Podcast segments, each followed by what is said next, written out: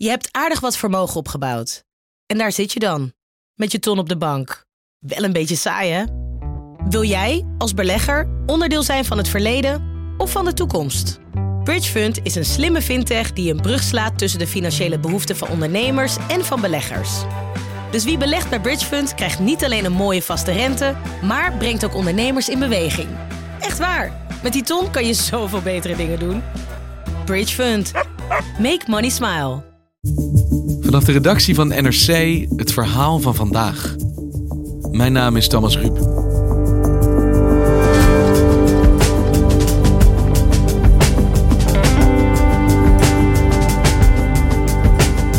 Het is de heilige graal van deze pandemie: een coronavaccin. Meer dan 90 prototypen zijn op dit moment in ontwikkeling in laboratoria in een kleine 20 landen. Deze race tegen de klok moet alle records breken. Maar gaat het ook lukken? En vooral, wanneer?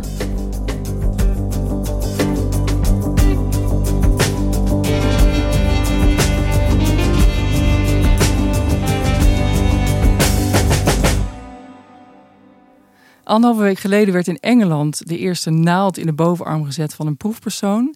En daarin zat een vaccin tegen het coronavirus. The first human trials in Europe of a coronavirus vaccine has begun in Oxford in what is a highly significant moment. This afternoon, two volunteers, both scientists, were injected. Het was een groot moment omdat iedereen natuurlijk rijkhalsend uitkijkt naar een, een werkzaam vaccin wat ons verlost van dit, uh, dit nare virus. The first volunteer to receive it was Elisa Granato, a microbiologist. She's 32 today. I'm a scientist, so of course I want to try and support the cause. Het vaccin was ontwikkeld aan de Universiteit van Oxford en ze gaan de komende tijd 800 mensen uh, daarmee vaccineren om uit te testen of het werkt tegen het coronavirus. So you've already had one injection. What was it like? Any side effects? Uh, a few side effects on the night after the injection, yes, but uh, everything's fine now. It was like having a hangover all night. The Oxford team thinks they'll know whether it works in humans by July.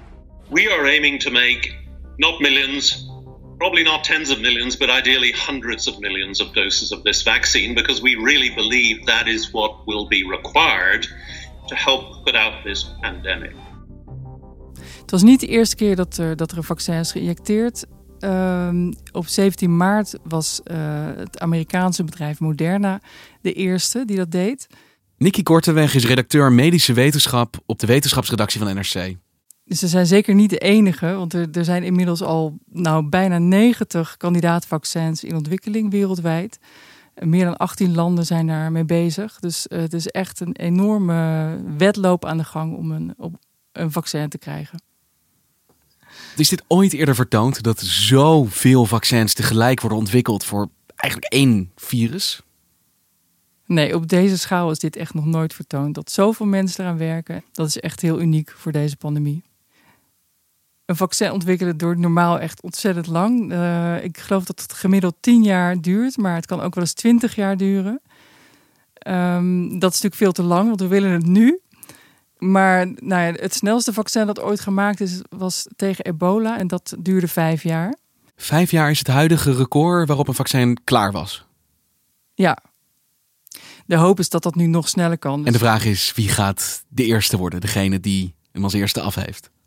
Dat is de grote vraag, ja. En wie zijn degenen die op dit moment bezig zijn met het ontwikkelen van zo'n vaccin? De Wereldgezondheidsorganisatie WHO die houdt een lijst bij. En nou, er zijn uh, dus bijna 90 kandidaatvaccins in de maak. En dat zijn allemaal ja, ofwel uh, farmaceutische bedrijven of laboratoria van universiteiten of van instituten. Um, die al gewend zijn aan het werken met vaccins, die al eerder vaccins hebben gemaakt. Die zijn nu in allerijl uh, bijvoorbeeld bestaande vaccins aan het ombouwen om ze geschikt te maken om tegen corona een afweerreactie op te wekken. En werken die samen of zit iedereen in zijn eigen laboratorium hieraan te sleutelen tot het af is? Nee, er wordt wel veel samengewerkt. Uh, zeker ook bedrijven die, die werken vaak in de, in de ontwikkelingsfase. Dus bij het bedenken van een vaccin, het ontwerpen ervan. Daar werken ze vaak uh, samen met onderzoekslabs. Uh, daar wordt wel veel samengewerkt. Maar op een gegeven moment gaat zo'n farmaceut dan natuurlijk zelf verder met het onderzoek. En dan neemt de samenwerking af.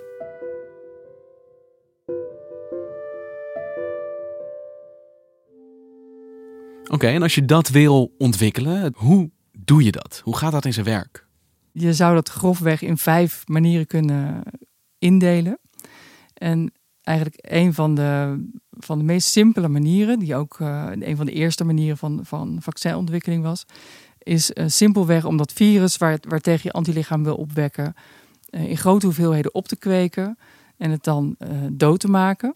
Door het heel erg te verhitten bijvoorbeeld, of door er een, een chemisch goedje eh, bij te stoppen. En al dat dode virus, dat verdeel je dan in, in kleine hoeveelheden en dat spuit je in bij mensen.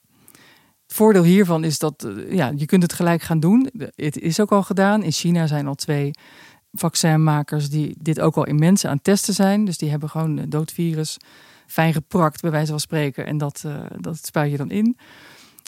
Maar één een belangrijk punt is wel dat je zeker weet dat alles dood is. Want je wilt natuurlijk niet levend coronavirus inspuiten. Daarvoor is deze ziekte echt gewoon te ernstig. En er kleven nog wel wat meer nadelen aan. Omdat soms dat, dat virus toch zo anders eruit ziet dan het levende virus. Dat de antilichamen ja, niet meer goed het, levende virus herkennen. En dan heb je dus niet een heel goede afweerreactie. En als het echt uh, niet goed gaat, dan zou het ook nog kunnen dat je juist uh, met dat vaccin het virus een handje helpt. Als het, als het echte virus dan binnenkomt, dat het dan makkelijker ook andere lichaamscellen in kan. En dat wil je natuurlijk niet. Je wil niet dat mensen er zieker van worden. Een tweede manier om een vaccin te maken is om een levend virus in te spuiten. En dat wil je natuurlijk niet het echte levende virus inspuiten, want dat, daar wordt iedereen heel ziek van. Maar uh, dan spuit je een, uh, een, virus in wat verzwakt is, wat niet meer zo ziek maakt, maar wat nog wel heel erg lijkt op, op het echte virus. Het coronavirus, dat groeit heel goed bij 37 graden. En dat is onze lichaamstemperatuur, dus als het bij ons binnen is, dan, dan vermeerdert het zich heel makkelijk. Maar je kunt er in het lab voor zorgen dat dat ze dat niet meer doen bij 37 graden, maar dat ze dat alleen maar bijvoorbeeld bij 32 graden Celsius doen. Je doet gewoon een hele, de evolutie na in je, in je reageerbuis, bij wijze van spreken. En dan wacht je net zo lang tot er alleen nog maar virussen over zijn die bij die lage temperatuur goed leven, maar bij die hogere niet meer. Nou, die kan je dan inspuiten. Ja, die weten niet meer wat ze overkomt bij 37 graden. Nee, nou, die, die, die zitten dan gewoon, uh, die bewegen niet meer zo hard bij 37 graden. Die zijn dan zitten in je lichaam en dan kan je afweersysteem daar rustig, uh, rustig eens uh, wat afweer tegen opbouwen. Dit is wel een van de betere manieren om een vaccin te maken, omdat je een zo volledig mogelijke afweerreactie krijgt, die zo, zo goed mogelijk lijkt op wat er in het echt ook gebeurt tegen bijvoorbeeld dit coronavirus. Maar het gevaar van dit soort virussen is wel dat bijvoorbeeld zo'n virus misschien ook wel weer eens terug verandert. En weer wel bij 37 graden uh, infectieus is. En uh, ja, dan wordt degene die je daarmee vaccineert natuurlijk weer wel ziek.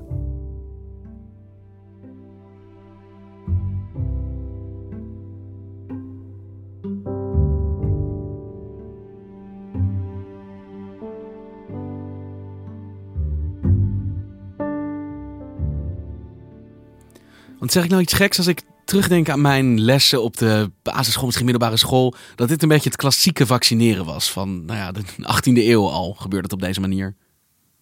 Ja, zeker. Dat, ja, op deze manier is, is zo ongeveer het vaccineren ontdekt. Gewoon een klein beetje van de ziekteverwekker uh, uh, in een krasje in de huid. Uh. Maar dit is inderdaad ja, old school vaccinontwikkeling eigenlijk, zou je kunnen noemen. En deze, deze manier wordt nog steeds heel veel gebruikt bij het ontwikkelen van vaccins. Bijvoorbeeld de, de BMR-prik die kinderen krijgen, de bovenmazelen, rode hond. Die uh, wordt op deze manier gemaakt, van levend verzwakt virus. En uh, bij die ziektes gaat dat ook heel goed. Maar bij dit coronavirus is deze methode uh, het minst populair eigenlijk. Op die lijst zag ik er maar twee. En één daarvan is zelfs ook nog weer een, soort andere versie. En dat komt natuurlijk omdat dit gewoon echt wel een, gevaarlijk virus is om dit, dit soort trucs mee uit te halen. Nou, de, de derde methode waarop je een vaccin kan, kan maken is door niet het hele virus toe te dienen, dood of half, uh, nog half levend, maar alleen een klein stukje eiwit van het virus. Dat coronavirus ziet eruit als een, als een bolletje, zeg maar. En daarop staan dan allemaal spijkertjes. En die spijkertjes, dat, dat noemen ze het spike-eiwit. En dat is heel karakteristiek voor dit coronavirus. En het is ook, als het ware, zijn landingsgestel. Het is uh, met, die, met dat spijkertje, met die kop van het spijkertje, landt hij op onze lichaamcellen en daarmee werkt hij zich bij ons naar binnen. En dat zijn die spijkertjes die ook de naamgever zijn, die bij elkaar eruit zien als een kroon onder een microscoop? Ja, klopt. Ja. Dus dat, vir dat virus ziet eruit als een bolletje waar dan allemaal spijkertjes in zijn geslagen. En daardoor lijkt het net of hij een, een kroontje om zich heen heeft. En dat spike-eiwit, als je daar een antilichaam tegen kan uh, opwekken, ontwikkelen, een antistof, dan blokkeer je eigenlijk dat spijkertje. En dan blokkeer je het hele landingsgestel. Dan kan die dus niet meer naar binnen bij ons. Want hoe creëer je zoiets in hemelsnaam? Nou, wat je doet, je neemt de genetische code voor dat spike-eiwit. Dus het recept als het ware waarmee een cel dat kan maken. En dat stop je in een bacterie. En die bacterie, of, of in een andere cel, ze, gebruiken er ook insectencellen voor bijvoorbeeld. Maar laten we even bacteriën nemen als voorbeeld. Dus je stopt het recept voor het eiwit in de bacterie, die gaat het dan maken. Dus dan krijg je in het lab een grote schaal bacteriën die allemaal dat spike-eiwit maken, gewoon los. En dan kun je die bacteriën, die kun je dat zoveel mogelijk laten doen. En dan isoleer je dat spike-eiwit eruit, dus los van die bacteriën. Je haalt gewoon alleen dat eiwit eruit en dat spuit je dan in. Een van mijn favoriete films uh, als kind was Inner Space. Waarin ja, een man in een soort ruimteschip verkleind wordt en in een bloedbaan wordt gebracht. En je ziet ineens gewoon al die microscopisch kleine dingen in je lijf in het groot. Zou je mij eens mee kunnen nemen naar dit niveau? Wat gebeurt er dan precies in het lichaam met zo'n vaccin? Nou, als je dan zo'n spike-eiwit inspuit, dan komt dat in je lichaam. En uh, in je lichaam ontmoet het dan afweercellen die herkennen dat als lichaamsvreemd. Die weten, dit is niet iets wat wij zelf maken. Dit komt van een, van een, een buitenaardse of een buitenlichamelijke uh, bron. En dit moeten we elimineren. Het lichaam gaat dan uiteindelijk um, antilichamen maken... die precies dat stukje eiwit herkennen. Dus die precies passen op dat stukje eiwit. En op het moment dat dan het coronavirus binnenkomt met al die spijkertjes uh, om zich heen, dan heeft je lichaam direct antilichamen die dat kunnen herkennen. Die gaan daarop zitten. Dus dan zie je zo'n bolletje met spijkertjes voor je. En daar bovenop zitten dan allemaal hoofdlettertjes ei. En die blokkeren op die manier dat dat coronavirus kan landen in onze cellen. Want wat zijn dan de voor- en nadelen van deze, ja, ik noem het maar even de spijkermethode? Ja, de spijkermethode of de, de stukjes eiwit uh, methode. Nou, het voordeel is dat, dat het snel kan en dat uh, nou, bijna iedere moleculair bioloog kan, uh, kan dat zeg maar maken. Dus daarom zie je ook zoveel van die kandidaatvaccins die op deze manier gemaakt zijn. Het nadeel is dat je soms te maken hebt met eigenschappen van zo'n zo'n eiwit, wat, hè, dat het dan toch niet helemaal goed wordt zoals het ook echt bij het coronavirus eruit ziet. Dat moet je maar afwachten. En een ander nadeel is dat als je dit inspuit, krijg je eigenlijk niet zo'n hele volledige uh, afweerreactie als, uh, als bij die andere, bij het inspuiten van een heel virus, omdat je alleen maar dit uh, eiwitje inspuit. Ja, nou, methode 4 is ook een, een biotechnologische oplossing. En die, die, dat is eigenlijk weer een geavanceerdere manier dan, uh, dan dat eiwit maken. Want daarbij doe je eigenlijk hetzelfde. Je, je brengt het recept van het, voor het corona-eiwit in in een cel. Maar dat doe je dan niet in bacteriën of in, in insectencellen in het lab. Maar je spuit het in als vaccin, zodat onze eigen cellen het gaan maken. En uh, zo maak je dus eigenlijk je eigen cellen tot de fabriek van dat corona-eiwit. En, uh, en wek je op die manier een antilichaamreactie op. Daar gebruiken wetenschappers uh, onschuldige virussen voor, die, waar we niet meer ziek van worden. En daar zetten ze dan een klein stukje van het coronavirus in. En uh, ja, die hoeven dan eigenlijk alleen maar dat, dat onschuldige virus wat ze hebben. En wat ze bijvoorbeeld hebben aangepast om, om een MERS tegen MERS, dat andere coronavirus, een vaccin mee te maken. Dan hoef je alleen maar dat MERS eruit te halen en er dit nieuwe coronavirus in te zetten. En dan, dan kun je kijken of dat werkt. En dan kun je natuurlijk meeliften op, uh, op de onderzoeken die je al gedaan hebt met die andere versie. Ja, het klinkt als een hele efficiënte methode. Ik bedoel, als je me nu een menukaart zou geven met deze opties, dan zou ik zeggen, nou, doe mij deze dan maar. Ja, dat is ook echt een veelbelovende manier van vaccin maken. En er zijn ook al meer dan twintig kandidaatvaccins die op deze manier gemaakt worden. Uh, bijvoorbeeld dat uh, vaccin in Engeland, waar we het over hadden, aan de Universiteit van Oxford. Uh, dat wordt op deze manier gemaakt. En ook een vaccin wat in Leiden wordt onderzocht. Maar die goedkeuringsprocedures die, die duren wat langer bij dit soort vaccins, omdat ze natuurlijk met genetische manipulatie gemaakt zijn. Er is één vaccin op deze manier gemaakt tegen ebola-virus. En dat heeft dus versneld uh, goedkeuring gekregen om gebruikt te worden. Omdat ebola zo'n gevaarlijke, dodelijke ziekte is. Waar 60% van de mensen die het krijgt aan dood gaat. Dus in het geval van ebola was dat echt een noodsituatie waarbij dat versneld is goedgekeurd. Maar ik kan me voorstellen dat deze coronacrisis daar, daar verandering in gaat brengen. Of in elk geval ervoor gaat zorgen dat dit soort procedures ook sneller goedgekeurd gaan worden. Het lijkt er wel op dat die, die, die bioethische grenzen die, uh, die er zijn, dat die misschien uh, ja, een beetje onder druk komen door, door deze crisis. En dat, ja, datzelfde geldt eigenlijk voor de, de vijfde manier van vaccins maken. Ja, dat is helemaal een nieuwe techniek. Daarbij gebruik je niet eens meer een, een onschuldig virus als een drager om, om dat corona-stukje uh, DNA naar binnen te werken. Maar bij die vaccins spuit je gewoon genetisch materiaal zelf in uh, bij mensen, zodat zij daar, aan de hand daarvan het eiwit gaan maken. Dat zijn dus DNA- of RNA-vaccins. En ook daarvan uh, ja, staan er zeker twintig op de lijst.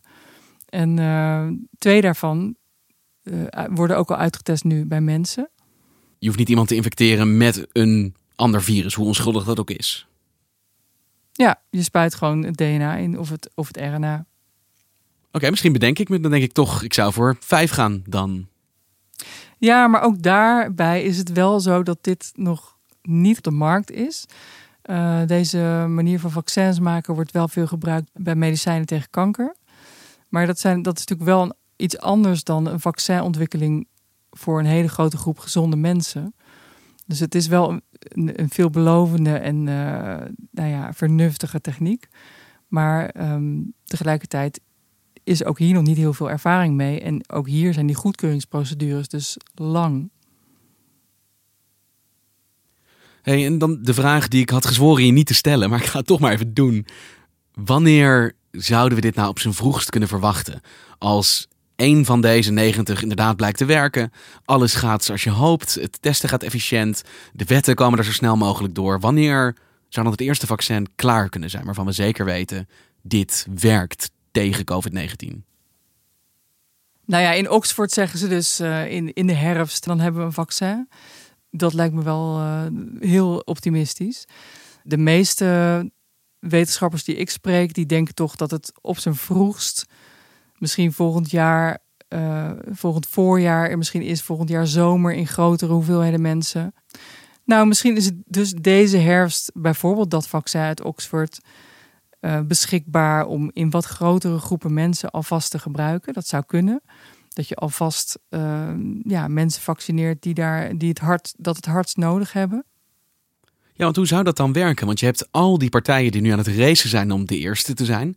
Hoe belangrijk is het wie dat wordt? Moeten wij als Nederlanders maar duimen eigenlijk dat het in Leiden ontdekt wordt? Omdat wij er dan misschien als eerste beschikking over hebben? Uh, en als het een Amerikaanse wordt, hebben de Amerikanen dat dan als eerste voor de Amerikaanse bevolking? Of werkt dat niet op deze manier?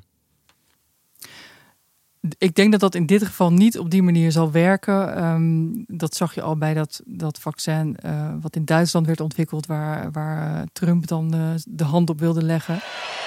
My administration has also taken the most aggressive action in modern history to protect Americans from the coronavirus. You know about this whole thing. Horrible. Today we met with the big, great pharmaceutical companies. We had a great meeting today with a lot of the great companies, and uh, they're going to have vaccines, I think, relatively soon. Je krijgt daar natuurlijk hetzelfde als met, met mondkapjes en alle andere materialen die schaars zijn. Het moet verdeeld worden en, en alle landen over de hele wereld hebben hiermee te maken. Mm, ja, dus dat, dat, dat moet eerlijk en, uh, en iedereen wil zelf natuurlijk ook de eerste zijn. Ja dat, dat, is, dat zal best een, uh, een lastige beslissing zijn. Dat wordt misschien nog wel een heel gevecht. Dankjewel, Nicky. Graag gedaan.